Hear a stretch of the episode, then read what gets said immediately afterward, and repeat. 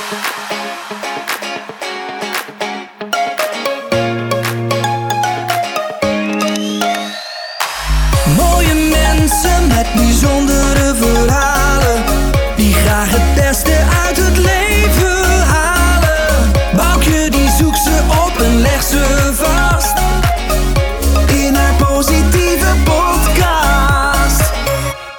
Positiviteitspodcast. Mijn naam is Boukje Jongendijk en mijn gast van vandaag is Bas Snippert.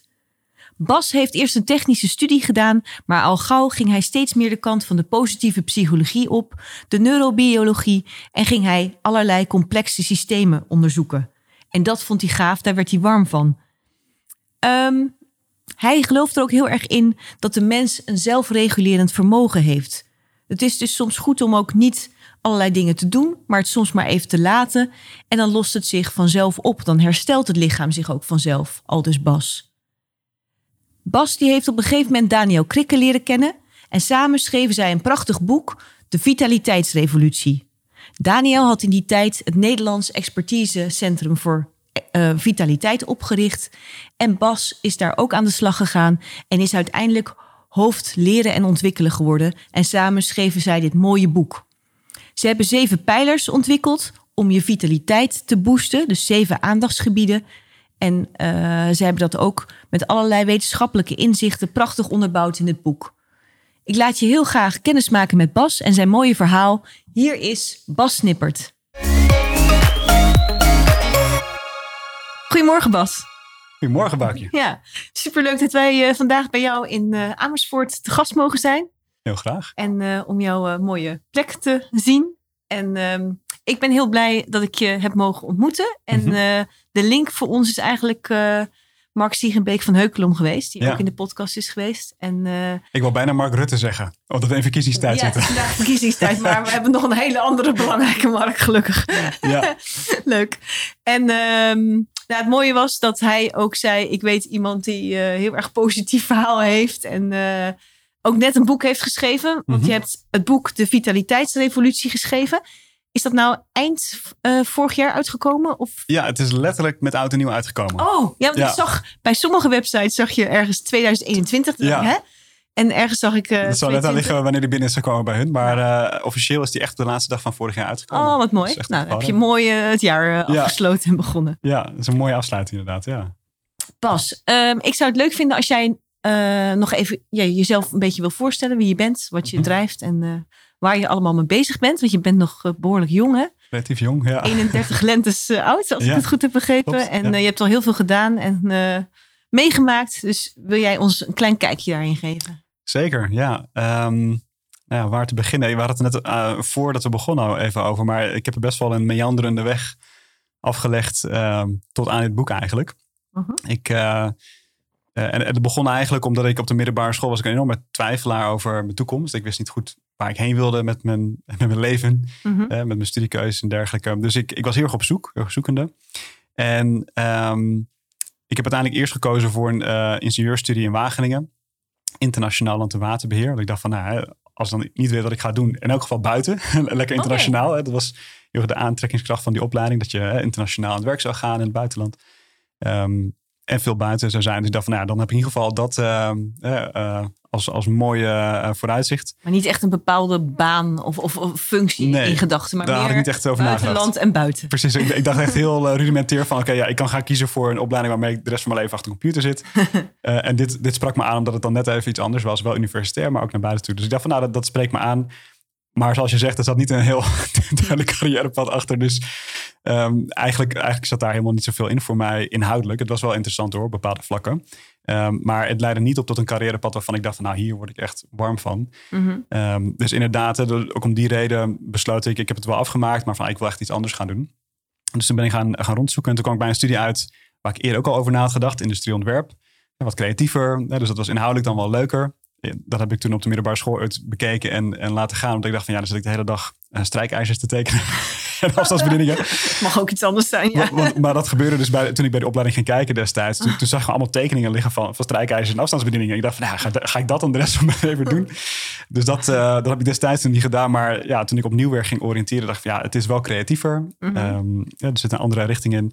Toen heb ik dat gekozen. Dus een soort van pre-master traject. Je kan in Nederland best wel goed omschakelen qua studies als, als je genoeg vakken hebt gedaan die overeenkomen.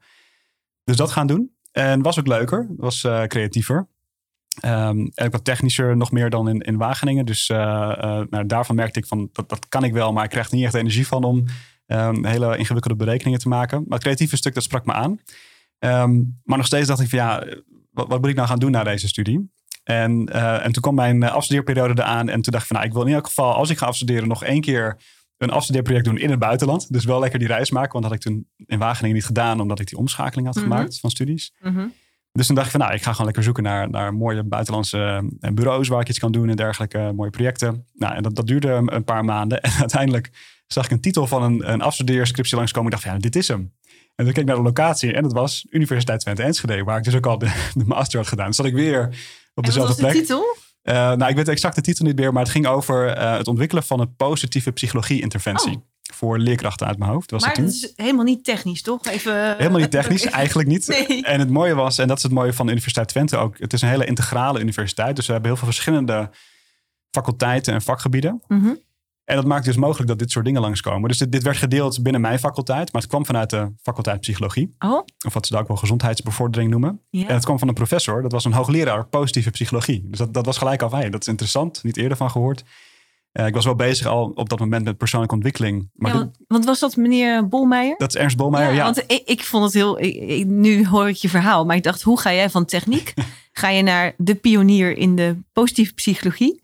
Bij die hoogleraar? Dat, dat is nogal een stap, hè? Ja, Ja. Dus daarom, daarom begin ik altijd daar met het verhaal. Ook. Ja. Het is altijd wel echt even vragen van hoe, hoe kom je als ingenieur daar terecht? En dat was ook echt gewoon toeval, het lot, eh, bestemming, hoe je het wil zien. eh, Dat, dat kwam gewoon langs toevallig. En, eh, en ik dacht van, nou, weet je, dan zit ik misschien in Enschede weer een extra half jaar. Maar ja, het is inhoudelijk wel iets wat me echt energie gaf. Ik dacht van, hé, hey, hier ga ik wel meer van aan. Mhm. En daar dus heen gegaan. Ehm nou, Ernst Bolmeijer ook een super inspirerende man voor mij destijds. ehm, die, die ook heel erg dat vakgebied uitdraagt. hè. Die leeft dat ook echt. Mhm. Dus dat was allemaal heel erg nieuw en, en leuk voor me. Dus eh, nou, we zijn aan de slag gegaan. Dus ik, ik heb hem ondersteund vanuit mijn technische achtergrond daar. Om een online interventie te ontwikkelen eh, vanuit de positieve psychologie. Dus daar was een eerste contactmoment ermee. Dus ik heb er heel veel over geleerd in het half jaar. En ehm, nou, dat was voor mij eigenlijk wel een kantelpunt dat ik dacht van... volgens mij zit, zit hier meer mijn, iets in mijn aard of zo, wat ik, Mhm. wat ik leuk vind. Dus ehm, dat was een hele waardevolle, waardevol half jaar waar ik heel veel heb geleerd van Ernst. En uit die, uit die opdracht. En, en toen dacht ik van, nou weet je, ik, ik wil hier waarschijnlijk iets mee gaan doen in de toekomst. Dus ik had al een soort van mentale not- notitie gemaakt. Maar ik dacht ook van, ik wil, ik wil ook graag bijvoorbeeld ondernemerschap leren. Mhm. Ja, als, als gewoon een vaardigheid. Omdat ik dacht van, ja, ik, ik, ik zie mezelf gewoon niet de rest van mijn leven in een, in een soort van eh, hokje of in een standaard baan terechtkomen. Eh, zeker omdat ik ook die, die, ja, die brede interesses had ontwikkeld tijdens het afstuderen over positieve psychologie. Dus ik dacht, Ja, en kan je, kan je nog zeggen voor mensen die daar wat minder eh, mee bekend zijn, wat je daar in die positieve psychologie aantrok? Eh, Ja, nou, het- een van de interessante dingen is dat ik... ehm, ik had wel eens over psychologie nagedacht, maar de, de traditionele psychologie... ehm, die gaat heel erg uit van pathologie over het algemeen. Dus het gaat heel erg uit van, wat is er mis met je? Ja. Wat kan allemaal niet mis met je Ja. zijn? Laten we het allemaal Gaan we daar categoriseren. Daar gaan we eh, volop focussen. Ja. Dus dus de, de traditionele psychologie komt uit een medisch model. De- Ze willen graag eh, onderdeel zijn van de medische wetenschap. Of dat wilden ze destijds. Mhm, En, en en daardoor is het een, een, een redelijk pathologiserend veld geworden aanvankelijk. En de DSM gaat natuurlijk heel erg over mensen indelen in een categorie. Om aan te kunnen geven, nou, wat is er mis met ze eigenlijk? Hè? En welke medicijnen moeten ze hebben, waar het vaak op uitdraait. Er zijn Mhm. natuurlijk ook andere behandelingen, dus ik chargeer Ja, even heel ja, erg. Hè? Maar zwart-wit gewoon. dat, eh, even ja, mijn beeld eh, destijds ook bij, bij normale, of, eh, normale psychologie en de positieve psychologie. Ehm, die hebben eigenlijk gezegd, we willen een alternatieve DSM. Van niet alleen wat er mis is met mensen, maar wat er, wat er goed is met mensen. Wat zijn hun krachten? Mhm. Wat zijn hun talenten? Om dat te gaan onderzoeken.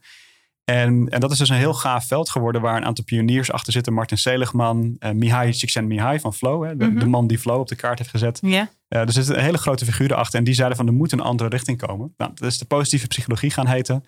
En, ehm, en daar, daar had ik dus gewoon nooit van gehoord. Maar daar werd ik dus eh, vijf, of zes maanden lang doen. in, Ja, in ondergedompeld. ja, leuk. Uh, en ik zag ook dat uh, een, een hoogleraar als Ernst Bolmeijer, die, die leefde dat ook erg. Ja, dus ik, ik heb natuurlijk in mijn universiteitsjaren heel veel hoogleraren meegemaakt. En uh, een aanzienlijk deel van hen is erg verstrooid. En hun persoonlijke leven is niet bepaald georganiseerd. En ze zijn heel goed in, in één ding. Maar verder qua life skills of qua belichaming van bepaalde waarden. Um, het is best wel uniek om een hoogleraar te vinden die dat ook echt uitdraagt. En dat was Mhm. voor mij dus een, een, een belangrijke factor, denk ik ook. Dat ik Ja, in hem zag van... ook inspirator eh, Ja, voor jou geweest. Ja, dat was echt op dat moment echt een rolmodel voor mij. Van, goh, ik wil ook echt iets gaan doen in mijn werk. Waardoor ik ook zo eh, bevlogen en enthousiast en eh, nou ja, positief in mijn werk en leven sta. Dus dat, dat heb ik daar ook heel erg uit, ehm, uit kunnen halen. Dus ik beschouw dat ook echt als een, een periode van mentorschap. Mooi. Ja, wat je op de universiteit heb je dat niet echt meer. eh, Zo'n soort van apprenticeship of een ambacht. Hoe, hoe dat vroeger ging. Maar dat, zo voelde het voor mij wel meer. Dat ik op persoonlijk niveau er heel veel ehm, werd meegegeven eh, door hem en in die, in die periode. Dus ehm, ja, dat, dat heeft gewoon bij mij echt een, een vonk doen ontspringen. En daar kon je me wel mee eh, technisch afstuderen toen. Ja, ja zeker. De, de, de opleiding Industrieel Ontwerpen in Enschede is sowieso heel integraal opgezet. Dus je hebt een Mhm. aantal richtingen. Dus je hebt wel een basis van industrieel ontwerp die vrij technisch is. Maar je kan eigenlijk een aantal richtingen kiezen waarbij je meer de ontwerpkant op gaat. Of meer de managementkant. Mhm. eh, of juist meer die technische kant. Dus, dus ze bieden heel veel mogelijkheden om vanuit ingenieursdenken, engineering eh, denken. Of design thinking wordt het ook genoemd. systemen en zo. Precies, om echt systemisch te Mhm. denken, systemisch te kijken naar problemen en daar ook echt een integrale oplossing voor te maken. Dus dat is echt de kracht, denk ik, in, in, van de Universiteit Hele Twente. mooie combinatie, Ja. vind ik het. Ja. Denk ik ook. En, en als ik dus ook terugkijk naar wat ik heb meegenomen uit Wageningen uit die tijd, daar zat eenzelfde soort mindset in. Dus die opleiding internationaal land- en waterbeheer. eh, ook al heb ik uiteindelijk niet een hele sterke interesse ontwikkeld voor. eh, uiteindelijk ging het heel erg over, over waterbeheer en, en bodemerosie en irrigatie. Van hele specifieke dingen. ja. Maar in het oplossen van pro- problemen, zeker in het buitenland, ging het heel vaak over ook de menselijke factor. Ja, dus ook daar integraal denken van oké, je hebt een probleem rondom een, een, een waterbron of een rivier. En, en vroeger dachten we van nou, dan zet je daar een soort van eh, instrument in, een tech- technologische Technisch oplossing. instrument, ja. En dan ben je klaar. Ja. En die werd daar gedropt en dan gingen we weer verder met Ja. goede dingen doen in, eh, in Afrika of zo. En, en dat werkte dus niet. En, en steeds meer is die opleiding ook geëvalueerd naar een integrale kijk op hoe los je echt dit soort problemen op. Die gaan over gedeelde hulpbronnen als mens. En er zit altijd een menselijke factor en een politieke factor natuurlijk ook. Dat is echt mooi, want ik moet even denken aan Ja. de podcast hiervoor. Dat ging over bouwgeschillen. Oké, En daar was eigenlijk ook het probleemoplossend vermogen. Komt altijd de mens eh, weer Ja. aan bod. Ja. en dat is denk ik ook wat Het is ook wel leuk wat jij zegt. Je komt van hele verschillende onderwerpen. Ja, er Hele verschillende takken van sport. Komt elke keer die mensen zit toch een rode draad in, precies. En ja, ik, ik weet niet of het lag aan de studiekeuze, tests of counselors destijds op een middelbare school. Maar dat, dat is aan, aan het begin niet echt uitgekomen, dat ik dat interessant vond. Mhm. En dat komt denk ik ook omdat ehm, je wordt natuurlijk vanuit studiekeuze, gesprekken en tests ook heel gericht op van, nou ja, waar- ben je misschien ook goed in? Dus wat kan je vooral goed? Mhm. En ik kon best wel technisch denken. En Ik, ik had best wel een technisch pakket ook. Maar er wordt helemaal niet gesproken over wat vind je echt leuk? Hè? Wat is echt iets wat bij jou past als mens? Misschien dat het tegenwoordig wel meer zo is hoor, op middelbare scholen. Maar destijds was dat niet echt zo. Mhm. Dus dat moest ik echt gewoon zelf uitvinden op die manier. Maar achteraf kan ik wel zien dat daar een rode draad in zit inderdaad. En dat dat terugkomt in al Ja, die je bent, stappen. ook niet, je bent het ook gewoon gaan eh, zoeken. Ja, Want, eh, je had ook kunnen zeggen van nou, ik maak dit af en ik ga dit gewoon doen. ja, Eh, maar je bent blijven zoeken. Ja. Totdat eigenlijk kwam wat je, wat je, wat Zeker. je waar, waar je dus wel heel blij van werd. ja. En ik denk ook niet dat ehm, eh, als je kijkt naar mijn ja, persoonlijkheid of de kenmerken waar ik eh, denk me mee identificeer. ehm, ik, ik had niet, ik had niet een bepaald carrièrepad kunnen, daarin kunnen stappen en daarmee door kunnen gaan. Eh, dat begon al te snel te wringen ook in die opleiding. Dat ik voelde van ja, het kost me zoveel energie om dingen die ik wel kan, maar niet leuk vind te doen. En dus was Mhm. ik mezelf zo onder druk aan het zetten en forceren om dan door zo'n opleiding heen te gaan. Mhm. Nou, dat had ik niet eh, door moeten doen. Dus, dus er zat inderdaad wel een drijfveer ook van binnenuit om te gaan zoeken van waar zit nou minder wrijving op zijn minst. Hè? Dus Ja. het was moeilijk om te vinden wat wil ik echt. De, die vragen van vroeger van wat wil je laten worden? Ja, daar had ik niet direct de een hele antwoord op. grote vraag. Dat is veel te grote van, vraag. eh, Staat nergens op. ik zou het ook niet weten. Maar wat ik wel kon doen, ik had het begin gemaakt en zoeken waar zit inderdaad minder wrijving, minder spanning in mezelf. En, en dat heeft ook gewerkt om gaandeweg daarbij te voelen van oh, dit, is, dit voelt een stuk lichter en makkelijker en leuker. Ja. Dus dat heeft me daar denk ik wel ja, de weg in gewezen. Mooi. Ja, En toen is je weg. eh En toen is het- eh, toen is het een, een- eh, raket gegaan. een rollercoaster gegaan, ja. Nou, en die rollercoaster begon dus na mijn ehm, universitaire tijd. Toen ben ik eerst een jaar in een start-up gestapt. Want ik dacht van, ik wil dus ook ondernemerschap leren. Ja. Omdat ik dacht van, nou, dan, dan, dan, dan, dan bereik ik toch een bepaalde mate van vrijheid in mijn werk. eh, eerder Mhm. dan dat ik in een, in een vaste baan ga zitten. Was dat een soort traineeship? Dat je van, eh, Ehm, nee, ik werd eh, via via kwam ik in een start-up terecht. eh, die bepaalde nou, ja, eh, mensen zochten of skills zochten. eh, waar ik wel een klik mee had. mhm. En die start-up die kwam terecht in Startup Bootcamp. En dat is een, een soort van, ja, traineeship is, een, is misschien het verkeerde woord, maar het is een soort van, eh, ze houden niet van deze uitleg, maar het is een wasstraat voor start-ups om Ja. klaargestoomd te worden voor Het is opschalen. Europees, hè? Van, eh, Het is tegenwoordig Eu- Europees en wereldwijd zelfs. Ja, ze doen het ontzettend goed. En, en wat je daar krijgt, dus als start-up eh, kom je daar binnen en je wordt gewoon je wordt drie maanden lang door de wasstraat gehaald. En opnieuw, dat is niet, zijn niet hun woorden. eh, maar wel hoe mensen het ervaren. Want je gaat door allerlei training heen. Het is echt alsof je een MBA in, in drie maanden doet. ja. Super gaaf. Maar nou, er, er vallen ook mensen letterlijk emotioneel, mentaal gewoon om daar. Omdat het Mhm. gewoon zo intens is.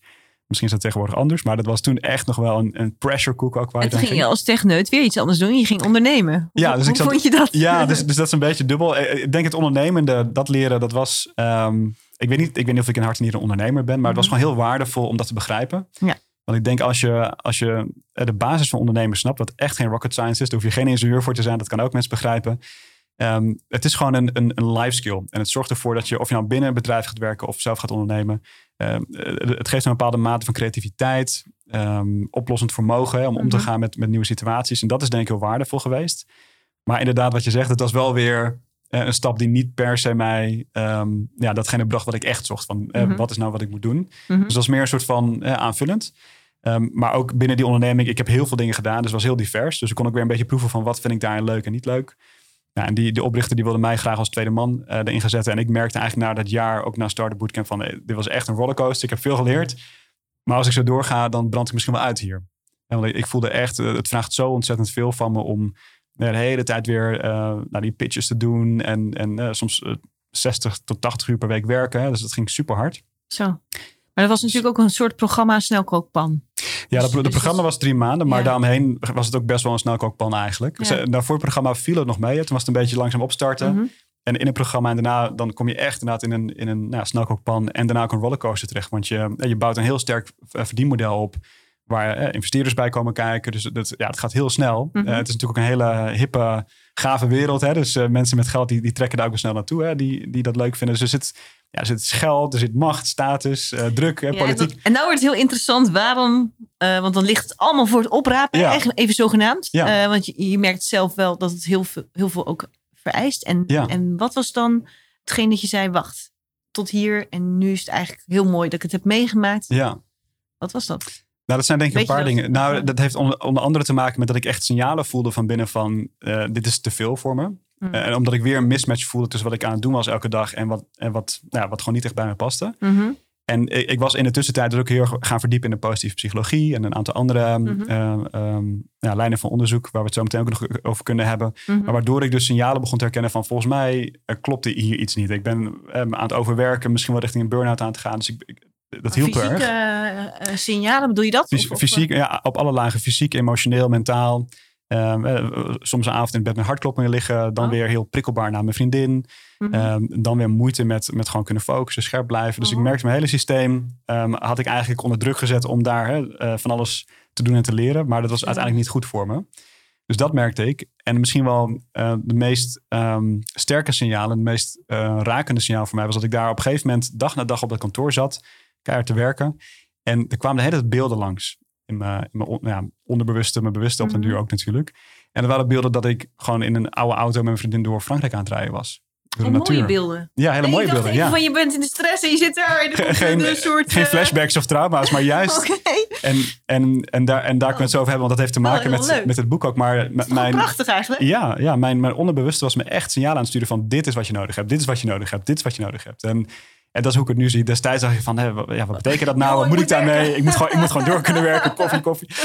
Dus, dus het is verbazingwekkend hoe lang je je verzet tegen je eigen eh, diepere intelligentie. Ja, ja. Maar dus, dus dat was misschien nog wat sterkste signaal dat ik echt voelde van volgens mij is dat gewoon, ik noemde dat op een gegeven moment gewoon flash forward. Dus ik dacht van mijn brein of mijn lijf probeert iets te laten zien waar ik naartoe moet gaan, wat ik moet doen, Ja. wat beter voor me is. Maar dat is natuurlijk wel mooi, want ik denk eh, de situatie waarin je zat op dat moment. Ik denk dat een heleboel mensen met werk of wat dan ook daar wel in zitten. Ik, noem- ik, vertaal het even naar een soort stress eh, situatie Ja. toch wel. Ja. Maar het is toch ook wel mooi dat jij kennelijk door alle kennis die je aan, waar je mee bezig was, Ja, dat er toch dat er een ingang was voor die eh, mooie dingen. Ja, Want als je dat niet binnenkrijgt, ja, dan ga je toch echt wel keihard door. ja, dan ga je gewoon door en dan ga je Ja. nog meer wegdrukken. Hè, van oké, ik moet blijkbaar Mhm. ehm, middelen gaan nemen om, om door te kunnen werken, want ik Ja. word afgeleid. Hè. Ik heb, eh, misschien heb ik wel ADD. Eh, dus dat is inderdaad hoe mensen ook mee om kunnen gaan. En het hielp enorm inderdaad dat ik ehm, nu al dus een paar jaar bezig was met de positieve psychologie. Maar specifiek ook een, een boek waar ik doorheen aan het werken was van Pieter Levine. Ja, die naam heb ik Die voorbij zien komen bij jou. misschien langs, ik, ja. ik ken hem niet. Pieter Levine is ehm, eh, misschien wel de meest bekende traumatherapeut ter wereld. Echt een, een pionier op dat gebied. Oké. Die, eh, hij deed al onderzoek naar trauma voordat trauma bestond als woord. Ja. Dus toen werd het eigenlijk opgestapelde stress genoemd. Zo noemde hij het destijds. Mhm. En, ehm, en hij heeft een boek geschreven, heeft meerdere boeken geschreven. Maar het boek wat ik las, dat was ehm, De Tijger Ontwaakt. Mhm. Waking Tiger in het Engels. En ehm, dat had ik via mijn vriendin gekregen. Zij is psycholoog, dus zij kreeg dan dat soort boeken. En ik sloeg dat een keer open en ik was helemaal nou ja, hooked hè, aan, aan het boek. Want het was super wetenschappelijk, maar ook heel praktisch. Mhm. Dus hij, hij legde de hele neurobiologie en wetenschap uit van stress en van zelfregulatie, zelfregulerend vermogen van ons lichaam en geest. Ehm, en tegelijkertijd eh, ook hoe je daar praktisch mee, mee omgaat. Welke signalen je kan herkennen, welke dingen je kan doen. Dus dat was een enorme steun daarin. Denk je dat, ehm, want wat ik zo interessant vind, dat je gewoon open stond voor die mooie beelden? En, eh, denk je dat doordat je met dit soort dingen allemaal bezig was, dat het daardoor binnenkwam? Ja, Want het lijkt mij best lastig als je daar ja, niet, eh, niet Ja. zoveel van weet of niks van ziet. Dat absoluut. Ja, dat je die signalen misschien wel voorbij ziet komen en niet Ja. herkent of zo. exact dat. Ja. Of, eh, Dat is waar, waar een deel van het boek echt ook over gaat van Peter Levine. Ehm, het feit dat we zo gespleten zijn van ons lijf. Hè, de, de body-mind split wordt het wel eens genoemd. mhm. We zitten zo erg in het hoofd. En ik als geen ander destijds. En, en af en toe nog steeds wel als ik in de stress zit. We schieten heel erg in ons hoofd. Mhm. En, en als je heel erg in je hoofd schiet, hè, om, om dat een metafoor te gebruiken, dan, dan ben je gewoon losgekoppeld van je lijf en alle wijsheid van je lichaam. En, en wat dat boek voor me deed, was dat het dat weer bij elkaar bracht van wacht eens even, hè, die, die signalen die je voelt in je lijf, maar ook de beelden die je voelt, de dingen die je droomt, dat is niet zomaar. Eh, Eén systeem. dat is allemaal één systeem. En, en ik dacht heel lang, en volgens mij denken heel veel mensen van ja, maar het is gewoon een pijntje wat je hebt. Dat is gewoon pijn. Moet je gewoon paracetamol nemen. Klaar. Ja. Dus we hebben een hele gekke oppervlakkige kijk ontwikkeld op onze eigen signalen. In onze hele maatschappij. En, en dat, dat boek hielp mij om dat te ontdoen. En om te gaan zien van wacht even, alles wat ik voel en wat ik denk en die beelden, dat is allemaal betekenisvol. Daar zit informatie in. Mhm. En dat was inderdaad denk ik de reden dat ik die beelden niet soort van opzij schoof van eh, afgeleid. Zijn, wat zijn dan voor gekke dromerige gedachten? Mhm, mhm. Nee, ik kon het echt zien als een, als een signaal van iets dieper in mezelf. Van dit heb je nu nodig. Je moet hier niet blijven zitten. Jezelf uitwringen voor een supergaaf verdienmodel. En proberen rijk te worden Nou, en best een aandelen. stap, hè? Als je dan Ja. toch eh, zegt van nou, eh, bedankt. Ja, ja. Het is best een stap. En ehm, dat had ook te maken met dat ik tegelijkertijd ook niet eh, diepgaand geloofde in wat we aan het doen waren. Dus het was een heel financieel verdienmodel wat, wat heel veel potentie had. Maar ik, ik stond er uiteindelijk niet echt achter dat het echt zou gaan werken. ehm, naast het feit dat ik het gewoon niet leuk vond.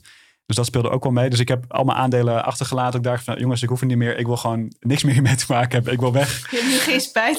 geen, geen spijt van. Ze zijn uiteindelijk failliet gegaan. Oké. Eh, Dus uh, ja, goed, hè, dat, dat, dat is altijd met startups. Het is natuurlijk een enorme gok. Ja. Maar los daarvan, um, je, je, kan inderdaad blijven zitten voor, voor het geld, voor aandelen, voor macht, voor de status, voor dat soort uh, dingen.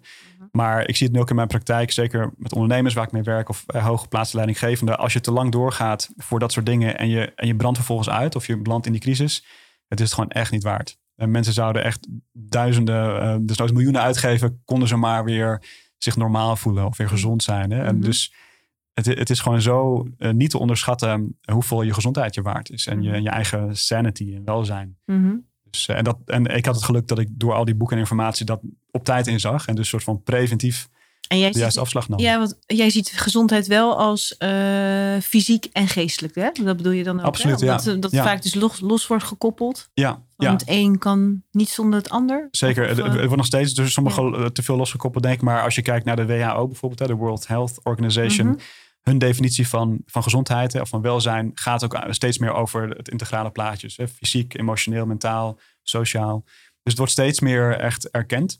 Um, maar we hebben nog een lange weg te gaan. Heel veel systemen zijn echt ingericht op die splitsing van je hebt lichamelijke dingen en je hebt geestelijke dingen. En ja. die hebben eigenlijk maar heel weinig met elkaar te maken. Hè. Zo wordt er heel vaak over gedacht nog steeds. Um, als het niet door, de, door een medicus is, dan wel door mensen zelf. Mm -hmm. Het is ook een cultureel aspect wat, wat in die zin uh, heel vast zit. Dus ik, ik denk die kijk op welzijn, ja, die we in het boek ook heel erg hanteren en die uh, steeds meer organisaties hanteren, die, um, ja, die, die, op dat niveau is het normaal aan het worden, maar het duurt nog heel lang, denk ik, voordat het echt voor iedereen echt een normaal is geworden. Dat, dat je een, ja, maar er zit nu wel heel veel um, uh, wetenschap ook achter om aan te tonen dat die twee ja. daadwerkelijk heel belangrijke ja.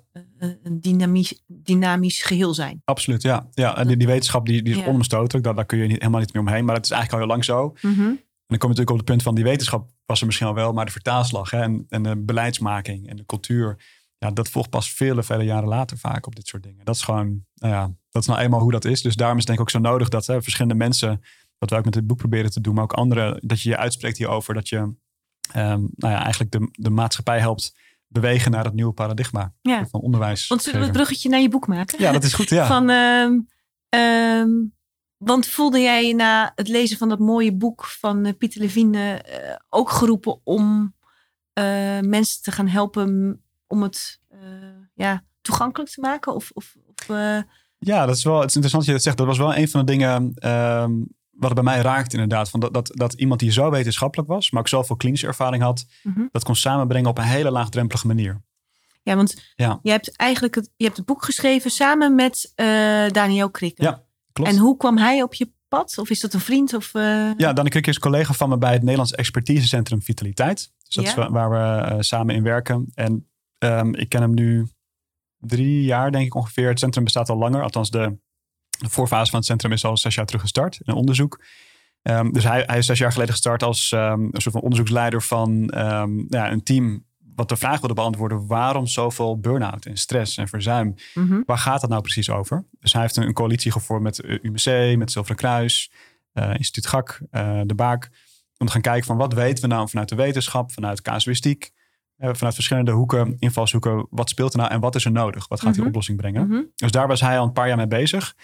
Ehm, en toen hij eigenlijk klaar was met die onderzoeksfase en dat aan het eh, vertalen was naar echt een, een instituut om mee nou ja, dat in de markt te gaan zetten, eh, toen kwamen wij elkaar tegen. En ehm, hij had dus al heel veel liggen. Dus we hadden heel veel onderzoek gedaan en een, en een basis liggen voor een interventie. Ja. Maar het, was echt, het stond echt nog in de kinderschoenen. En, en ik was juist die vijf jaar daarvoor juist heel erg bezig geweest met het ontwikkelen van het vertalen van die wetenschap naar interventies. Hè? Nou, gewoon dingen doen, Ja. praktische handvaten. En dus dat was een hele goede match, omdat hij was eigenlijk klaar om daar hè, om een interventie op te gaan bouwen en in de markt te gaan zetten. Ik had eigenlijk al heel veel dingen liggen. Nou, dat kwam heel mooi samen. Plus het feit dat vanuit zijn onderzoek bleek ook, hè, wat vanuit mijn achtergrond ook bleek, dat eh, je moet integraal werken. Je moet naar het hele systeem kijken. En dus hij had iets ontwikkeld, dat noemen ze de, de zeven pijlers. En dat sluit eigenlijk heel erg aan bij het biopsychosociale model voor welzijn of vitaliteit. En wat eigenlijk al die lagen van de mens meeneemt. Dus dat was een hele mooie, ja, de puzzelstukjes die in elkaar vielen. En dus sindsdien hebben we de handen ineen geslagen om daar kijken, nog heel even terug naar jouw term van bio, eh, psycho. Ja? model, ja. Daarmee zeg je eigenlijk alles. Eh, lichaam, geest, al, al- Ja. eh, ervaringen, Ja. eh, constitutie, alles. Alles, ja, alles. Ja, eigenlijk, ja, eigenlijk zeg je alles, Nee, maar wel, wel door inderdaad toch een soort van, je, je moet ergens wel een soort van handvaten creëren. Dus je kan, je kan natuurlijk zeggen alles, maar dat is dat is dan... een beetje veel. Dat is het te veel. Maar wat, wat, wat biopsychosociaal eigenlijk betekent, is dat je eh, kijkt naar biologische aspecten van de mens, de psychologische aspecten en sociale aspecten. Mhm. Er zullen mensen zijn die zeggen van, maar je mist dan spirituele aspecten of misschien ecologische aspecten. hè. Dus dat, dat zou je er nog aan, toe kunnen voegen, maar dan krijg je een hele lange term. Ja, ja. En voor mij, dat, dat sociale staat voor mij breder dan alleen maar sociaal met mensen, maar gewoon eigenlijk de, de relatie tot omgeving überhaupt, ja. om wereld überhaupt. Dus dan heb je biologie, dat gaat heel erg over nou, lichaam, biochemische processen, et cetera. Dus dat is echt een heel biologisch stuk. Mhm. Psychologie gaat natuurlijk heel erg over hè, emoties, cognitie, je identiteitsvorming.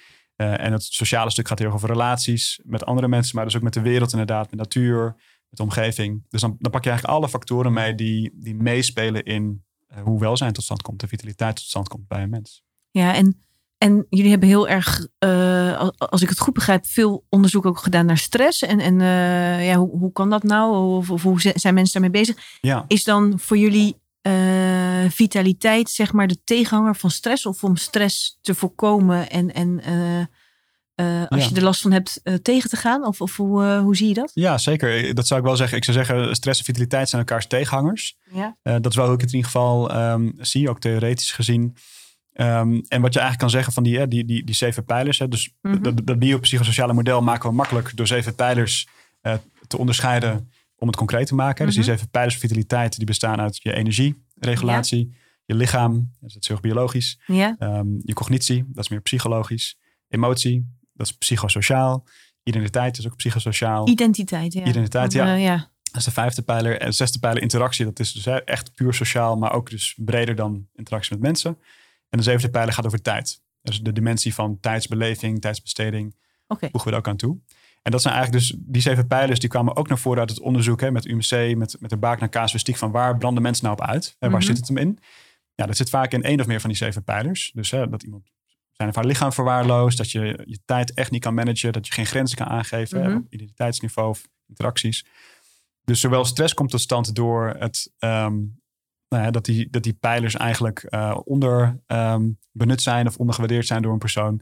En vitaliteit komt tot stand doordat die pijlers opgevuld zijn met, met hulpbronnen, met capaciteiten om jezelf vitaal te houden. En ehm, ik vind het een heel mooi model, hè? want er zit eigenlijk alles in. En dat geeft ook houvast. Hè? En Mhm. een model geeft altijd houvast. Dan Ja, kom je eigenlijk ja, terug bij jouw systemen waar je klopt, mee ja. begonnen. ja. Is het nou bijvoorbeeld zo als ehm een van die aspecten, eh, bijvoorbeeld identiteit, daar bedoel je volgens mij mee met hoe kijk je naar jezelf en zo. Als dat nou helemaal eh, niet lekker gaat Mhm. eh, en de rest gaat sky, sky high, gaat heel goed. Is dat dan overall een probleem? Of hoe, hoe, hoe werkt dat? eh, werkt het als een soort wiel? Als er één is dat de spaken helemaal scheef staan? Of Ja. hoe moet je dat zien? Dat is een interessante vraag. Eh, Ik weet niet of het, we kunnen misschien een plaatje laten zien op camera. Ik weet niet of het handig werkt. Eh, ik, heb het boek, of heb je hem toevallig eh, Ehm, daar liggen? Welk plaatje? De- oh, het plaatje Van de van pijlers, dan, dan snappen mensen denk ik visueel meer eh, kijken, waar we het zo over Het hebben. is een rondje en energie staat in het midden. Zoiets. kan Ja, hij staat helemaal voor in het boek als een van de eerste afbeeldingen. eh, Ja. Zoek jij maar hoor. Zal Want ik jij maar bent het beter. Dus voor de mensen, voor de mensen die kijken, eh, er zijn natuurlijk ook mensen die luisteren, dus dan moet ik het sowieso even goed eh, omschrijven. Eh, maar om die vraag te beantwoorden, hè, van, van wat doet het nou als één pijler bijvoorbeeld Mhm. hè, heel erg achtergesteld is. Ehm, het model dat laat dus zien, eh, ik vraag onze cameraman even of het zichtbaar is. Dus het model dat, dat is eigenlijk ehm, een soort van web, hè, een Ja. soort van netwerk. Mhm. Dus in het midden zetten we energie neer. In het midden van het web. En daaromheen zitten zes andere pijlers die allemaal met elkaar verbonden zijn. En dus je krijgt een soort van netwerk of een web van vitaliteit. Mhm. En dat laat dus, het geeft gelijk een, voor een deel antwoord op die vraag. Die pijlers staan dus niet los van elkaar. Mhm. En dus omdat het een biopsychosociaal model is. En we kijken dus integraal naar de mens. Willen we heel goed communiceren vanuit het model. Al die pijlers die haken op elkaar in. Dus hebben alles, het zijn, het zijn ehm, pijlers die je kan onderscheiden van elkaar. Maar ze hebben ook invloed op elkaar. Dus als iemand hè, bijvoorbeeld op één pijler heel laag scoort. Dan heeft het vaak ook wel invloed op die andere pijlers. Ja, dus stel je voor, je scoort inderdaad heel laag op je identiteit. hè, Omdat je niet doet wat je echt leuk vindt. Ehm, dan heeft het uiteindelijk ook vaak weer een effect op hoe je lichamelijk erbij zit. Ja, dus uit mijn eigen voorbeeld, toen ik dingen aan het doen was die ik wel kon, maar niet wilde doen eigenlijk. Ja, dat kost ontzettend veel energie. Mhm. dus dus ik, aan het einde van de dag was ik helemaal op. Hè, lichamelijk had ik geen energie meer. Maar ehm, ook bijvoorbeeld emotioneel merkte ik dat ik er op de nu prikkelbaar van werd bijvoorbeeld. Hè? Of dat ik misschien afgevlakt voelde. Dat ik niet echt Mhm. levenslust voelde doordat ik de hele dingen aan het doen was die ik niet wilde doen. Dus die, dat web van vitaliteit, dat beweegt met elkaar mee. Dus als één pijler, als daar iets in verandert, dan werkt het door in al die andere pijlers. Omdat we echt één geheel zijn. En, eh, en je ziet dus ook vaak dat... ehm, het, ko- het komt wel eens voor dat iemand op één pijler echt heel laag scoort. Maar het is denk ik relatief zelden. Meestal zie je wel dat één pijler wat lager zit. Maar die trekt die andere pijlers ook wel mee. En vice versa. Als je een pijler gaat verbeteren. Dan zie je vaak ook dat het doorwerkt op andere pijlers. Ja, weer het- ja. Hetzelfde voorbeeld van net. Als ik dingen ga doen die echt bij me passen. Waar ik goed in ben. Die ik ook leuk vind. Die ik graag Mhm. wil doen.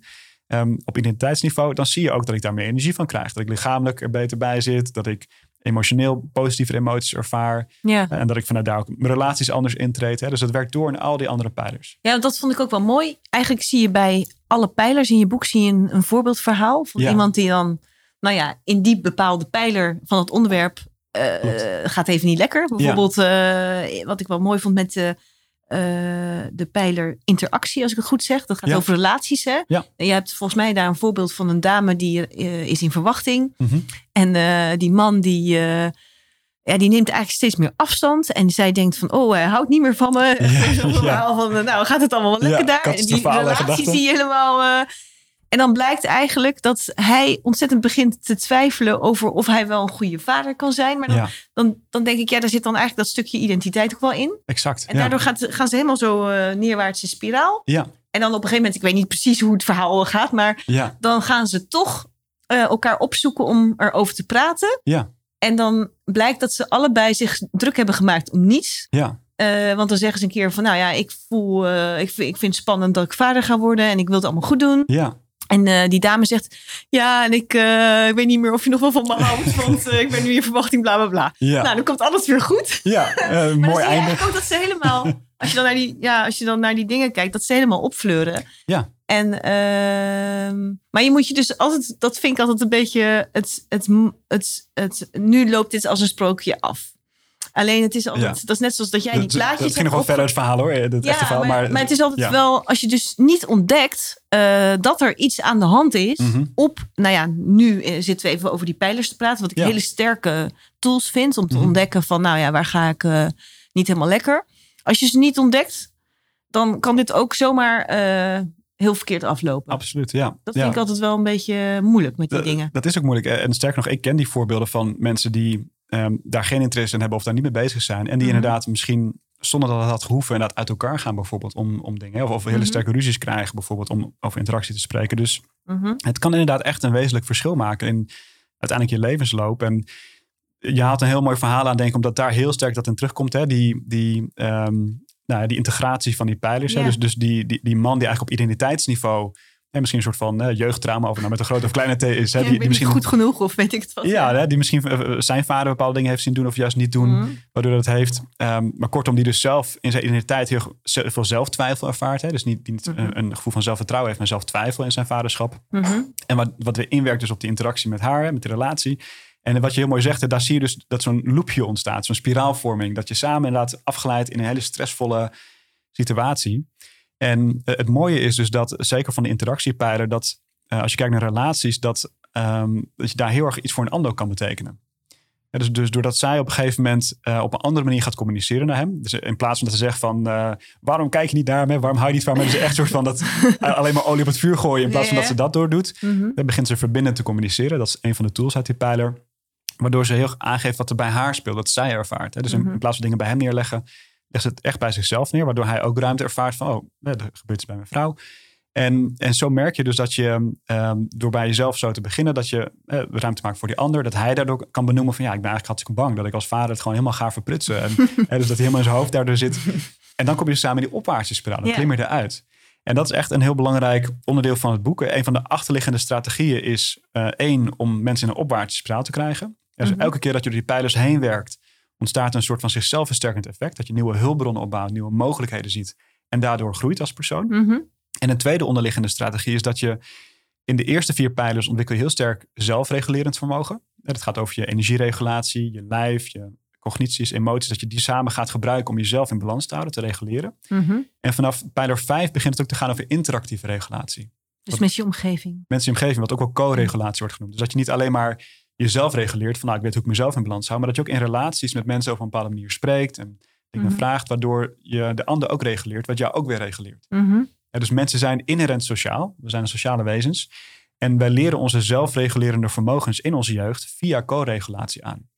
Maar als daar verstoringen in zijn, hè, als je ouders hebt die daar niet zoveel interesse in hebben, of eh, misschien heel gestrest zijn zelf, of depressief, dan moet je het heel erg zelf uitzoeken als kind. Dus dan ontwikkel je soms wel een goede zelfregulatie, maar niet zoveel co-regulatie. Mhm. En dat zie je dus in het voorbeeld van die man ook. Hij heeft, ehm, hij heeft nog niet de, de, de mogelijkheden ontwikkeld om dit in relatie op te lossen. Dus zijn, zijn strategie aanvankelijk is gewoon zich terugtrekken. Ja, Ook al, eigenlijk helemaal eh, ja, Ja. in klein... eh, klein maken. En, ook, ook ja. al ervaart hij dat niet als iets wat hij bewust kiest. Dat is iets wat hij aangeleerd heeft. Dus hij- wat hij gaat doen is zichzelf terugtrekken. Meer een beetje die bevriezingsreactie. Mhm. Waardoor hij uit de relatie stapt. En dat heeft dan weer een eh, negatief effect op zijn, op zijn partner.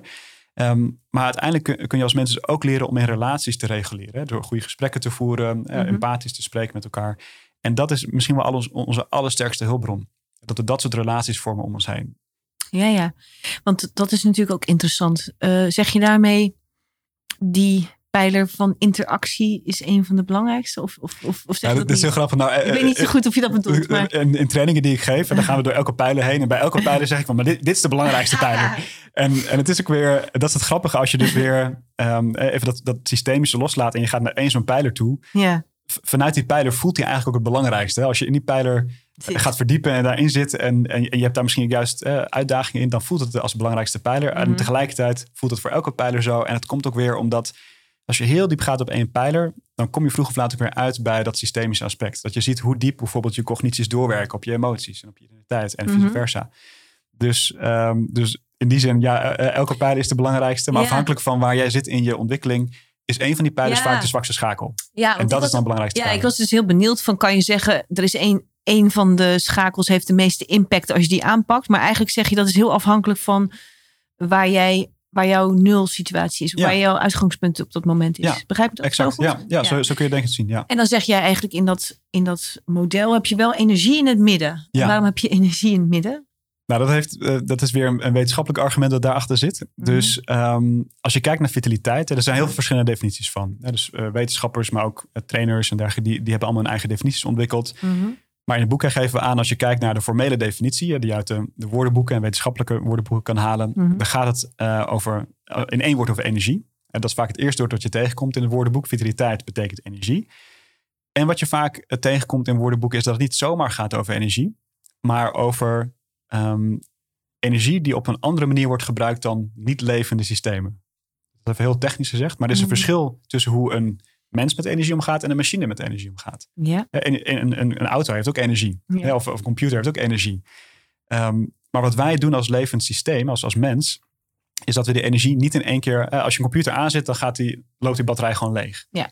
En bij mensen is dat niet hetzelfde. Je gaat niet aan of uit, maar je reguleert de energie. Het gaat in, eh, in golfbewegingen, Mhm. in vloeiende bewegingen, bewegingen. En dat is eigenlijk het verschil tussen energie in, in leven en niet levende systemen. Het gaat over zelfregulatie. Is die term hebben we al een paar keer genoemd. Ja, ja. Dat komt eigenlijk daar dus vandaan. Het fundamentele verschil tussen het leven en dingen die niet leven, is dat levende systemen zelfregulerend zijn. Dus daarmee wil je eigenlijk ook zeggen, het lichaam herstelt zich vanzelf. Of, of eh, Exact, ja. eh, je kan het versterken. Of, eh, Ja, ja. Eh, eigenlijk doet het automatisch al. Bedoel je daar bijvoorbeeld ook mee? Ik weet niet of ik het goed begrijp.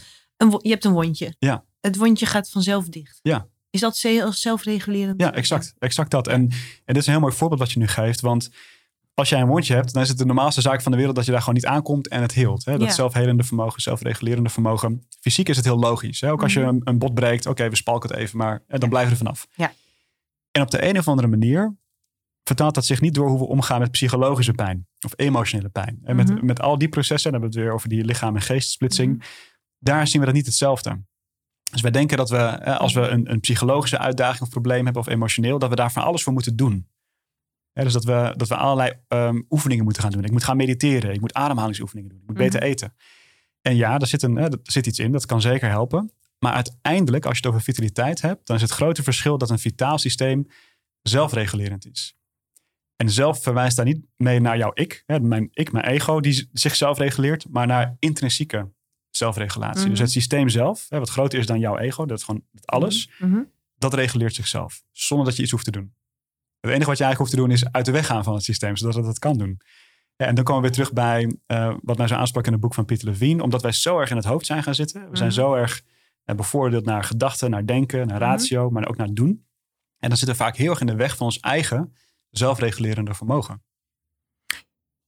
Ik snap jouw verhaal helemaal, maar gesteld dan dat je dan inderdaad eh, mentaal, eh, nou ja, dan wil je iets aan gaan doen. Hè? Je Mhm. bent druk in je hoofd, noem maar wat. Ja. Maar dan zeg je nee, wacht, je moet even terug naar het zelfreguleren. En wat moet je? Hoe, hoe ja, werkt dat het dan? hè? Ja. zeggen. Dat is dus een foute vraag. Maar wat moet je dan doen? Hoe moet je dat dan doen? ja. En, en het is wel heel goed dat we soort van op dit punt komen. Want, want dat is nou hoe fundamenteel dat in ons verwerkt zit in onze maatschappij. Dat we, we zijn zo erg gewend om dingen te doen. Moet je het dan gewoon laten? Of, eh, Ja, en, en, het, en het punt is dat ehm, dat gewone laten, dat is dus moeilijker dan, dan we vaak denken. Ja, dus dat doen is een soort van automatisch patroon geworden. Ja. Ja, dus ehm, nou, als het gaat bijvoorbeeld over piekeren. Hè? Dus eh, je piekengedachte die zit inderdaad ergens mee. Je ligt zo in bed. Mhm. Wat we dan niet doorhebben is dat we ons volledig identificeren met dat cognitieve proces. Hè? Van denken op zoek naar een oplossing. Van zoeken, zoeken, zoeken. Wat is nou de oplossing? Hoe kom ik hier uit? Ja. En we zitten dan in een hele kleine soort van mentale belevingswereld die heel erg daarover gaat. En waar dit over gaat is dat je daaruit kan stappen. Dat je je kan verbreden. Dat je je bewustzijn weer terug kan trekken uit alleen maar die gedachten. En heel breed kan verspreiden over in het hier en nu. Hè. Ik zit hier, ik zit hier met jou. mhm, Ja, Vincent zit daar, dus we zitten hier met elkaar. mhm. En dat als ik dat echt kan binnenlaten, al die signalen, dan registreert mijn brein vanzelf. Maar het is eigenlijk helemaal niet onveilig hier. Sterker nog, het is, het is hier leuk. En het Dan is het ook maar een heel veilig. klein... eh, dan is, En dan is het maar gewoon een Ja. gedachte opeens. En dat is het, het, belangrijke. Hè, dat, dat hogere brein van ons is heel goed in dingen proberen te voorspellen en naar de toekomst projecteren. En dat heeft ook zeker waarde. Maar wij, gaan, wij gebruiken dat, veel mensen gebruiken dat standaard als hun strategie om om te gaan met van alles en nog wat. Waardoor je veel vaker dan je eh, zelf denkt ehm, in de toekomst aan het leven bent of in het verleden. En het zelfregulerende vermogen kan alleen maar nu. Oh ja. Kan alleen maar nu plaatsvinden. Ja. Hè, dus, dus als je zo'n wondje hebt op je hand, Maar die je kan moet niet... eigenlijk in nu blijven dan. Ja, het gaat eigenlijk wel weer over hier, in het hier en nu blijven. En, en een van de dingen die we dus in het boek leren, eh, een van de eerste oefeningen gaat over ja, die oriëntatieoefening. Dat heb je misschien wel Ja? gezien. Dus dat het oriënteren gaat heel erg over, in het Engels heb je een mo- mooi woord, coming back to your senses. Hè? Dus terug in je zintuigen komen. Ja, want misschien even voor de luisteraar. Dan ga je je omgeving bekijken. Waarnemen, ja. Ja. En, en het belangrijke is, er, er zit een progressie in. Dus mensen die heel sterk in die neerwaartse spiraal zitten, die hele tijd piekeren, piekeren, piekeren, dus die, die in een soort van trauma-draaikolk soms Mhm. zelf zitten, Ehm, die kun je niet zomaar vragen van, "Goh, kijk gewoon eens even om je heen. Dus, dus die hebben wat meer sturing nodig van. Hè? Maak er een oefening van. Mhm. Dus oké, je kijkt naar vier Mhm. eh, rode dingen in de kamer bijvoorbeeld. Hè? Dan ga je heel gerichte aandacht sturen. Maar als je er eenmaal uit die draaikel komt, hè, dat je iets meer beschikking hebt over je eigen aandacht, dan is de, de echte instructie van oriëntatie niet van eh, kijk naar een paar dingen. Maar de echte instructie is laat je ogen kijken waar ze zelf willen kijken. Dus eigenlijk naar iets wat je mooi vindt. Dus ik kijk nu naar jouw gitaren. Die Ja. vind ik gaaf. Bijvoorbeeld. Dus dat, dat laat je dan zo... Ja, en, en, en waar we dan naar op zoek zijn, eh, en, en we kunnen hier gelijk een soort van ervaring voor maken voor de mensen thuis. Hè? Dus de, de, de echte oriëntatieoefening die gaat erover dat je je ogen laat kijken waar ze zelf willen kijken. Dus we proberen contact te maken met zelfregulerend vermogen. Dus niet wat jij denkt waar je naar moet kijken. Maar als je echt gewoon een soort van je bewustzijn even wat meer in je ogen stopt, waar willen ze zelf naar kijken? En, en dat kunnen mensen gelijk nu eens oefenen. Dat je gewoon even alle aandacht loslaat van waar je mee bezig was of van, hè, van ons gesprek hier. Ja, En dat je ogen gewoon laat kijken waar ze willen kijken. het doet mij ergens aan denken. Eh, Pieter Vrijters, die heeft heel veel over spreekangst en fobieën. Ja, En die, een van zijn lessen, die ik heel erg eh, mooi vond, was, die zei ook van, als je nou door de berg aan het skiën bent, eh, heb je dan nog angst? ja, Nee, want dan ben je dus, eh, want er ging dan om mensen die dan eh, angst hadden en dan waren ze op vakantie. Want dan zei hij, waar had je geen angst? Ja, in de bergen was ik aan het skiën. Ja. Maar dat had ook met kijken te maken. Ja. Er wat, wat minder aspect op van kijken waar je, want jij zegt Ja. nu heel mooi van kijk, kijk gewoon en dan kijk je op een gegeven moment naar dingen die je graag wil, wil zien. Ja. Maar hij zei ook van dat kijken, dat haalt je dan ook weg. Ja, ik weet niet precies hoe het werkt, maar dat had ook heel erg met dat kijken te maken. Vond ik een, dat klopt. vond ja. ik een eye-opener op dat moment. Ja, het is een eye-opener, ja, maar ik herken nu, het vind ik leuk, want eigenlijk wat jij vertelt, eh, haalt je dus best wel snel uit je hoofd weg. En dat Ja. is natuurlijk heel moeilijk, want als je zo in dat hoofd zit, hoe kom je eruit? Maar eigenlijk dit, dit is dit wel een hele mooie truc. en, en het is, Of eh, ja, truc, niet truc, maar is het gewoon ja, er zit een, echt een principe onder. Dat is mooi dat je ook eh, Pieter Vrijten aanhaalt dat hij datzelfde principe gebruikt. Want het principe is als volgt. Je hogere brein, eh, die, dat wordt top-down verwerking genoemd. Hè? Dus die verwerkt van boven naar beneden. Dus dingen die je al weet en hebt geleerd, Mhm. onder andere al je angsten, Ja. hè, die worden geprojecteerd naar beneden toe. En de andere kant van je brein werkt bottom-up. Van beneden naar boven. Dus Mhm. dingen die hier en nu gebeuren, die, die nu spelen. En er is een soort van weegschaaleffect. Je kan meer top-down verwerking hebben en meer bottom-up verwerking hebben. En die zijn eh, mutually exclusive. Dus je sluit elkaar uit. Dus als je heel erg top-down aan het verwerken bent, is er minder bottom-up verwerking en vice versa. Mhm. En, en heel veel, van, veel, veel mensen zitten een groot deel van de tijd in die top-down verwerking. Piekeren, denken over de toekomst, maar ook angsten. Dat is allemaal geprojecteerde ervaring uit het verleden Mhm. op dit moment of op de toekomst. Mhm. En wat dat oriënteren doet, hè, of andere oefeningen die gaan over in het hier en nu komen, is de, de volumeknop van bottom-up omhoog draaien. En dat, en dat is voor heel veel mensen echt een, een training. Want als je de hele dag door in die gedachten zit, dan ben je de hele tijd dus in de top-down verwerking. En dat wordt dus een enorm patroon. Dus je hebt niet eens door hoe sterk je daarin zit. Ja. En die oefeningen zoals hè, rondkijken in het hier en nu, maar ook denken aan, aan fijne dingen. En maar alles wat je meer in je zintuigen brengt, dat draait langzaam die volumeknop omhoog van dit moment, van het hier en nu. Mhm. En dan komen mensen spontaan uit die angst. Want, want in dit moment is er echt over het algemeen niet zoveel aan de hand. Nee, ik zie geen tijger. Ik zie Geen tijgers, geen eh, haaien. Het- en, en het is echt waar. Hè? En, en Ja. mensen die luisteren kunnen misschien voelen als je nadenkt van je zit hier, je bent adem aan het halen, je hebt, je hebt waarschijnlijk water in de buurt, je hebt kleren aan, het is warm. Ehm, je bent een veilige mensen, geen tijgers. Inderdaad, als je al die informatie echt binnen kan laten, wat je brein constant probeert te Mhm. doen, dan, dan valt al die stress vaak spontaan weg. Want Mooi, in ja. het hier en nu is er echt niet zo heel veel aan de hand. Nee, maar het is heel mooi. ehm, eh, je kan daar heel veel over lezen. Hier, en- hier en nu. Ja, Dat is prachtig, ja. maar het is altijd vrij vaag. En het, en het wel is weer lezen ook, hè? Dus het lezen is ook weer Ja. eh, eh, Ja, informatie in je hoofd stoppen. Hè? Dus woorden in je hoofd stoppen. En het grote verschil wat, wat we proberen te maken in het boek hier... en waar die training ook over gaan die we natuurlijk geven... is de ervaring echt creëren. Dus hoe krijgen mensen nou echt die ervaring van dat hier en nu gevoel? Want als je zo erg in je hoofd zit... Hè? Ik, ik doe als trainingen met hele gestreste teams... en als je de vraag zou stellen van... laat je ogen gaan waar ze willen gaan... dan, dan gebeuren er twee dingen bij mensen die heel gestrest zijn.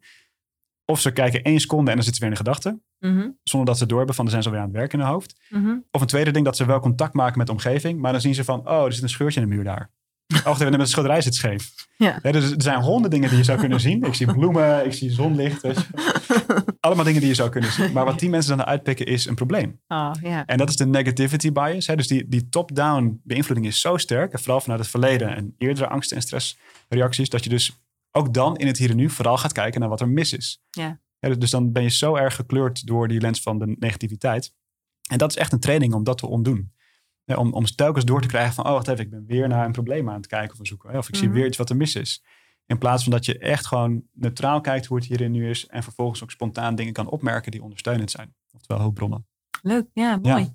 Nou, hebben jullie een, eh, een, een mooi, eh, ja, hoe zal ik het noemen, instrument ontwikkeld? Eh, want het is natuurlijk interessant als je kijkt naar die zeven pijlers. Van, dan ben je altijd benieuwd van, nou, eh, hoe zit het bij mij? Ja, ja, hoe sta ik ervoor? Ja. ik, eh, dat is ook een, een, een, een tool waar jullie mee werken. Dat is de vitaliteitsscan. ja, dat klopt. Ja. Waar, waar kunnen mensen die vinden? Ehm, als je naar expertisecentrumvitaliteit.nl slash fitscan gaat, V-I-T scan, Ja, dat is de kortste link die we hebben. Maar misschien goed om die inderdaad in de show notes te zetten. Ehm, dan vind je hem. En, eh, en die scan die is inderdaad gemaakt om die, die zeven pijlers in kaart te brengen. En dus met, met gevalideerde vragen. Dus, dus je kan natuurlijk, ja, je kan ook heel eh, snel even inchecken van nou, hoe voel ik me vandaag in mijn lichaam. Je kan het ook heel eh, quick and dirty doen. Maar de- we hebben inderdaad een scan ontwikkeld die het echt uitvraagt op een, gebaseerd op gevalideerde vragenlijsten. En dat kun je herhalen. En dan zie je ook echt over de tijd heen van hey, hoe ontwikkel ik me op die pijlers. Ja, dat is heel leuk. Ja. Van, ik heb hem, ik was natuurlijk ook heel nieuwsgierig. Ik heb hem zelf ook ingevuld. Nou, ik kwam er eh, niet eh, slecht uit. Dat stond goed voor, zeggen. toch? Ja. Ik Dat zou je ook verwachten van de host. host van de Positiviteitspodcast natuurlijk. Hè? Visitekaartje. ook wel eens, eh, dat gaat ook wel eens. eh, Ja, dat mag ook best. Maar eh, ja, bij mij was het aandachtspunt toch wel tijd. Ja, En ik eh, was benieuwd van tijd. Eh, Ik dacht, want we hadden het net over hier en nu. Had tijd ook niet met hier en nu te maken? Of, eh, ja daar, daar heeft het zeker mee te maken. Ehm, eh, dus tijd, eh, zoals ik er naar kijk, heeft eigenlijk eh, voornamelijk met twee dingen te maken. Effectiviteit en efficiëntie. mhm, En, en als reminder voor mensen, wat is ook weer het onderscheid. Effectiviteit is de juiste dingen doen. En efficiëntie is dingen op de juiste manier doen. mhm.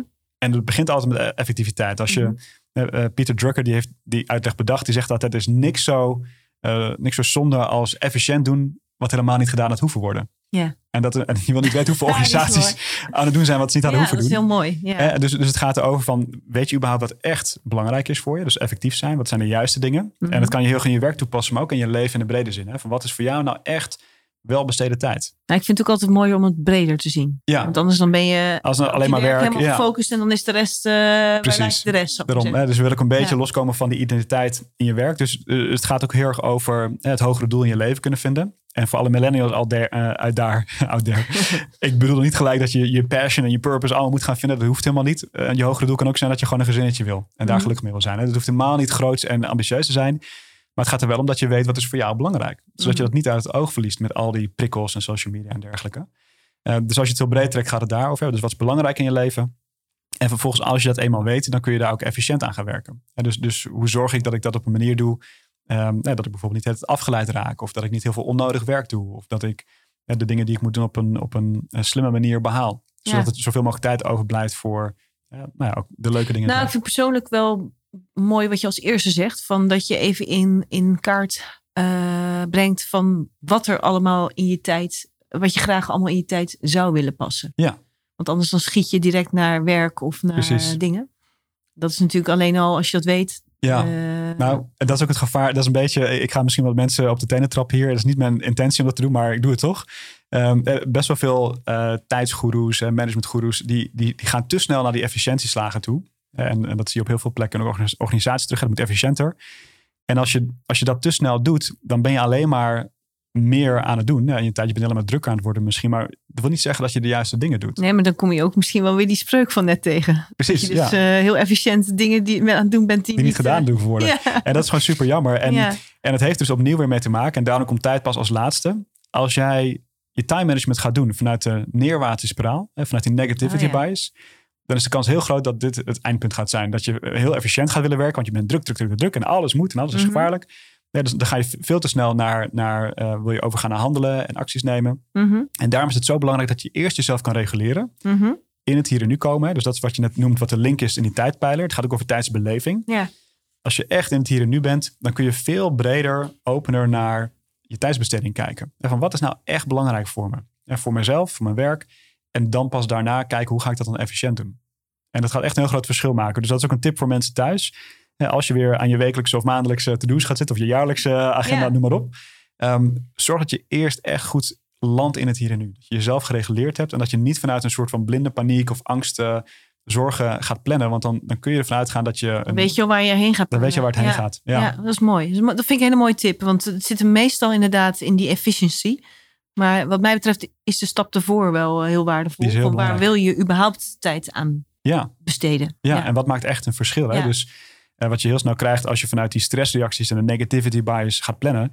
Ja, dan, dan ga je heel vaak allemaal kleine to-do'tjes maken die een lekker gevoel geven van ik ben nu heel snel klaar met dingen. Ik ga vooruit. Check, check, check, check, ja, dat is wel fijn. Dat doe je dan. Ik hou Maar er wel van, ja. ja, ik ken het gevoel. Het is een heerlijk gevoel. Maar of je jezelf er echt mee helpt, dat is de vraag. Nee, misschien hou je jezelf wel voor de gek. Ja, het is denk ik wel een beetje voor de gek. En, en dat kennen we allemaal. Dus ook helemaal geen, eh, geen schaamte in om dat te doen eh, af en toe. Maar het is goed om dat gewoon te doorzien. Want, want je helpt jezelf er gewoon niet mee. Ja. En het is gewoon heel fijn als je echt veel breder hè, vanuit de oriëntatie in het hier en nu. En dat, daar is ook onderzoek naar gedaan. Als je beeldkanaal, hè, als je ogen letterlijk breder kijken, als je een breder perspectief hebt, Mhm. dan verbreedt je brein ook hoe het nadenkt over dingen. Dus diffuus kijken betekent ook diffuus kunnen denken, breder kunnen denken. Versus tunnelvisie, hè, stress, tunnelvisie. Dat betekent ook kleinere, kortere associaties maken binnen een kleiner kader. Ja. Dus het is letterlijk, hè, het is aantoonbaar dat als jij breed georiënteerd in het hier en nu gaat zitten voor je planning hè, of, of voor doelen, Mhm. ja, dan komen er echt andere dingen uit. Ja, heel mooi. Ja, heel mooi. Ja, Jullie hebben dit, met dit mooie boek heb je ook een missie volgens mij, hè? dat klopt. Ja. Wat ja. is jullie missie? Nou, de kortste versie is Nederland Vitaal.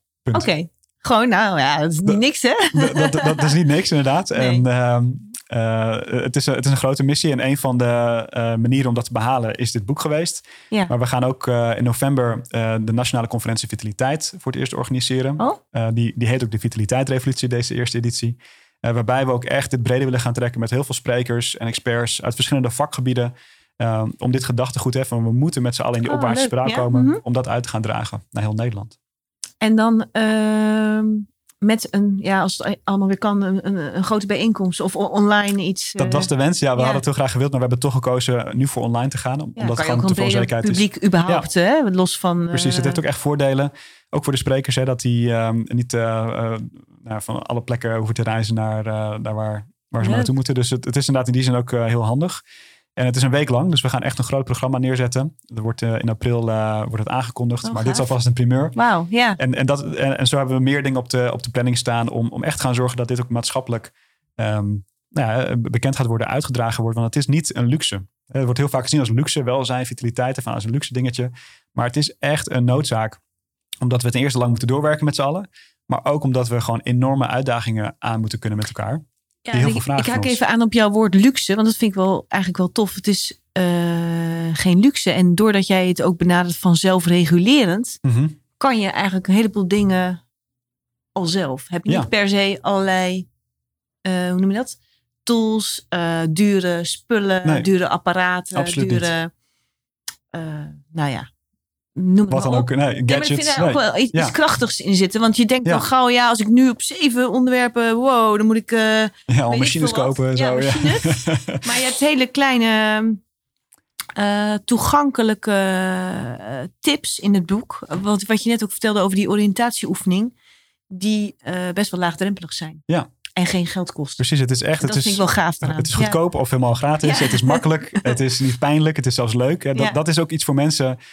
Dat is een van de laatste eh paradepaardjes, of heet dat, Nee, eh, clichés die ik zou delen. Maar we, we zitten ook heel erg in een no pain, no gain maatschappij. Van alles moet, je moet heel veel hard werken, heel veel moeite doen. En, en dat is gewoon niet per se waar. Eh, levende systemen en mensen, die kunnen groeien via plezier. Mhm. En, en, dat is, en dat is echt heel gek. Voor mensen is het heel moeilijk om lang plezier te ervaren. Lang genoeg om, om in ieder geval daarvan te groeien. We zijn zo gewend om, om het heel moeilijk te maken en, en pijnlijk te maken en jezelf uit te knijpen. Terwijl juist duurzame groei ontstaat als je eh, weet waar je randje is, hè, waar die grens is, maar daar niet continu overheen gaat, maar daar net een beetje op blijft hangen of daaronder blijft juist. Wat vaak plezierig voelt, waardoor je Ja. dag na dag na dag kan blijven groeien. Met die kleine tips inderdaad, kleine stapjes. En dat is echt wat mensen moeten begrijpen. Dat het- je hoeft het niet zwaar of ingewikkeld of pijnlijk te maken. Integendeel, het belemmert juist dat zelfregulerende vermogen. Wat groeit via plezier, eh, via vitaliteit, energie. Ja, want dan denk ik dat het nu wel mooi is om naar jou, eh, in jouw boek, in jullie boek, staat volgens mij jouw mooie spreuk. En ik lees hem gewoon even Ja. voor. In ieder mens schuilt een natuurlijke beweging richting meer vitaliteit. Dat klopt. Dat is eigenlijk wat jij. Dat het is- zit er dus eigenlijk al in, bedoel je dat? Ja, dat Ja. zit er al in. En, en, dat is die, die natuurlijke impuls naar vitaliteit. Dat is de reden dat wij hier zitten. En dat, Mhm. dat onze voorouders het hebben overleefd. Dat er leven bestaat op aarde. Dit is iets wat al vanaf dag één is ingebouwd in levende systemen. Dat zelfregulerende vermogen. En het is, het is het meest natuurlijke wat er bestaat. Uh, dit, dit, jouw lichaam, je brein, je geest weten al miljoenen jaren hoe ze moeten overleven, hoe ze moeten groeien, gezond moeten zijn. Het enige wat wij hoeven doen is dat weer op te sporen van hoe werkt het ook alweer. Mhm. En vooral de obstakels uit de weg te halen en waar mogelijk het te versterken. Maar het is eigenlijk niet eens uh, nodig, want als eenmaal dat zelfregulerende vermogen weer uh, beschikbaar komt, dat je die signalen kan herkennen en het kan toelaten, um, dan gaat het eigenlijk grotendeels vanzelf. Geweldige machine, technisch gezien. Het is een prachtige machine. En, en, dat is denk ik ook voor mij als we terugkomen bij uh, uh, hoe ik hier ben geëindigd. Hè. Dus ik, ik, begon met best wel technische opleidingen. Ja. En ik heb nog steeds wel, ik kijk nog steeds door de bril van een ingenieur naar, naar mensen. Ja. Maar menselijke systemen zijn gewoon echt fantastisch. Niet na te Het maken. is niet na te maken. Het is, het is de duurste technologie die je kan vinden. En dat, dat maakt mijn werk gewoon elke dag zo leuk. Dat je Ja. eh, ook de onderzoeken naar, naar hoe mensen werken. En, en neurowetenschap, positieve psychologie. Als je, als je gaat kijken hoe intricaat ons systeem werkt. En hoeveel er al in zit. Mhm. En hoeveel je kan, kan bereiken door gewoon de natuurlijke mechanismes aan te spreken. Nou, dat is gewoon fa- fascinerend voor mij. Ja, en, en, en eh, wij noemen het dan als mens, maar je ziet het in de natuur natuurlijk ook. Ah, absoluut, ja. Op alle lagen zie je het in, in Het het wordt allemaal leven. weer van eh, zelf. Ik bedoel, het wordt Ja. weer lente en het wordt weer. eh, Ja. Het gaat allemaal in feite vanzelf. Absoluut, ja. Het gaat echt vanzelf. En het enige probleem is als je je gaat verzetten tegen die natuurlijke beweging. En dat is wat we heel vaak doen vanuit ons hoofd en vanuit stress. Dan gaan we in de weerstand of in verzet. Ja, en dat creëert heel veel extra stress en pijn en moeite. Terwijl het eigenlijk niet nodig is als je gaat surfen op die natuurlijke bewegingen van Ja. de natuur. En ook surfen op emoties en surfen op. eh, ja, gewoon het, Ja. de, de doorheen. Ja, Mooi. absoluut. Ja. Nou, heel mooi. Ten slotte Ja. ben ik heel benieuwd van, eh, volgens mij ben je nog met een boek bezig. Wil klopt, je daar ja. nog iets over vertellen? Ja. Wanneer denk je dat we dat mogen eh, verwachten? Nou, ik, ik wil niet te veel druk op mezelf Nee, leggen. nee, maar nee, het is al, het is al ge- gecrowdfund of gecrowdpublished. Dus er zitten al heel veel mensen op te oh, wachten. leuk. Wat, wat heel leuk is en waar ik heel dankbaar voor ben. Maar wat dus ook een beetje druk kan geven af en toe. Ik ga proberen het in 2022 eh, begin dat jaar te lanceren. Oh, wauw. Ja? Want het manuscript ligt al klaar, maar gaat nog één keer door de molen heen. En dit boek heet, het wordt een Engelstalig boek. Het heet Effortless, eh, moeiteloos. Eh, en dat gaat helemaal dus over dat zelfregulerende vermogen. En dus van, van hoe zit dat precies in elkaar? Hoe is dat ontstaan vanuit de natuur en evolutie? Mhm. En hoe kun je nou steeds sneller zelf toegang krijgen tot die vermogens? Met weer, als het goed is, hele simpele kleine acties die voor iedereen haalbaar zijn. Heel leuk. Nou, daar kijken Ja. we naar uit. Dan vind ik het tenslotte nog heel fijn als je even wil vertellen waar mensen jullie centrum kunnen vinden, waar ze Ja. jou kunnen vinden, eh, als ze je willen benaderen voor coaching, boeken, eh, naar alles wat jij doet. Ja, nou ja, heel graag. Eh, als je geïnteresseerd bent in ehm, het Nederlands Vitaliteitscentrum, dat heet eh, het Nederlands Expertisecentrum Vitaliteit, dan moet je naar nederlandsvitaliteitscentrum.nl gaan. Dat is de plek waar het expertisecentrum online Mhm. staat en waar je ook veel kan vinden voor organisaties, hè, voor een meer grotere aanpak van vitaliteit. Ehm, als je mijzelf wil benaderen voor coaching, training, iets anders, dan kun je gewoon naar bassnippert.nl gaan. Mhm. Dat is een handige doorverwijspagina. En als je het boek eh, daar meer informatie over wil, wil kopen of het eerste hoofdstuk gratis wil downloaden, wat eh, nu ook kan, dan kun je naar de vitaliteitsrevolutie.nl gaan. Oké. En had jij ook nog een website, Optimize? Dat klopt, ja. ja. Is die ook nog... eh, Die, die staat zeker online. Die, die wordt eh, op de schop genomen. Dus eh, die, hij functioneert zeker. Maar ehm, voor een meest up-to-date aanbod kun je het best naar bassnippert.nl gaan. Maar optimizeme.nl, daar kun je ook meer vinden over mijn werk. Ik zal Ja. alles vermelden. Super. Ik dank je hartelijk. Ah, dank je hartelijk. Ik vind het hartstikke leuk waar je allemaal mee bezig bent. Heel interessant. En Ja. kijk uit naar je volgende boek. En heel erg hartelijk bedankt dat wij vandaag te gast bij jou mochten. Ja, dank wel voor de uitnodiging en leuk gesprek zo. Dank je. Beste Bas, hartelijk bedankt voor jouw fijne verhaal, waarvan we veel hebben geleerd. En beste luisteraar, heel tof dat je weer naar deze positiviteitspodcast hebt willen luisteren. Wil je nou meer over Bas weten? Ga dan naar zijn website. Ik kijk even op mijn papiertje. basnippert.nl of naar nederlandsvitaliteitscentrum.nl.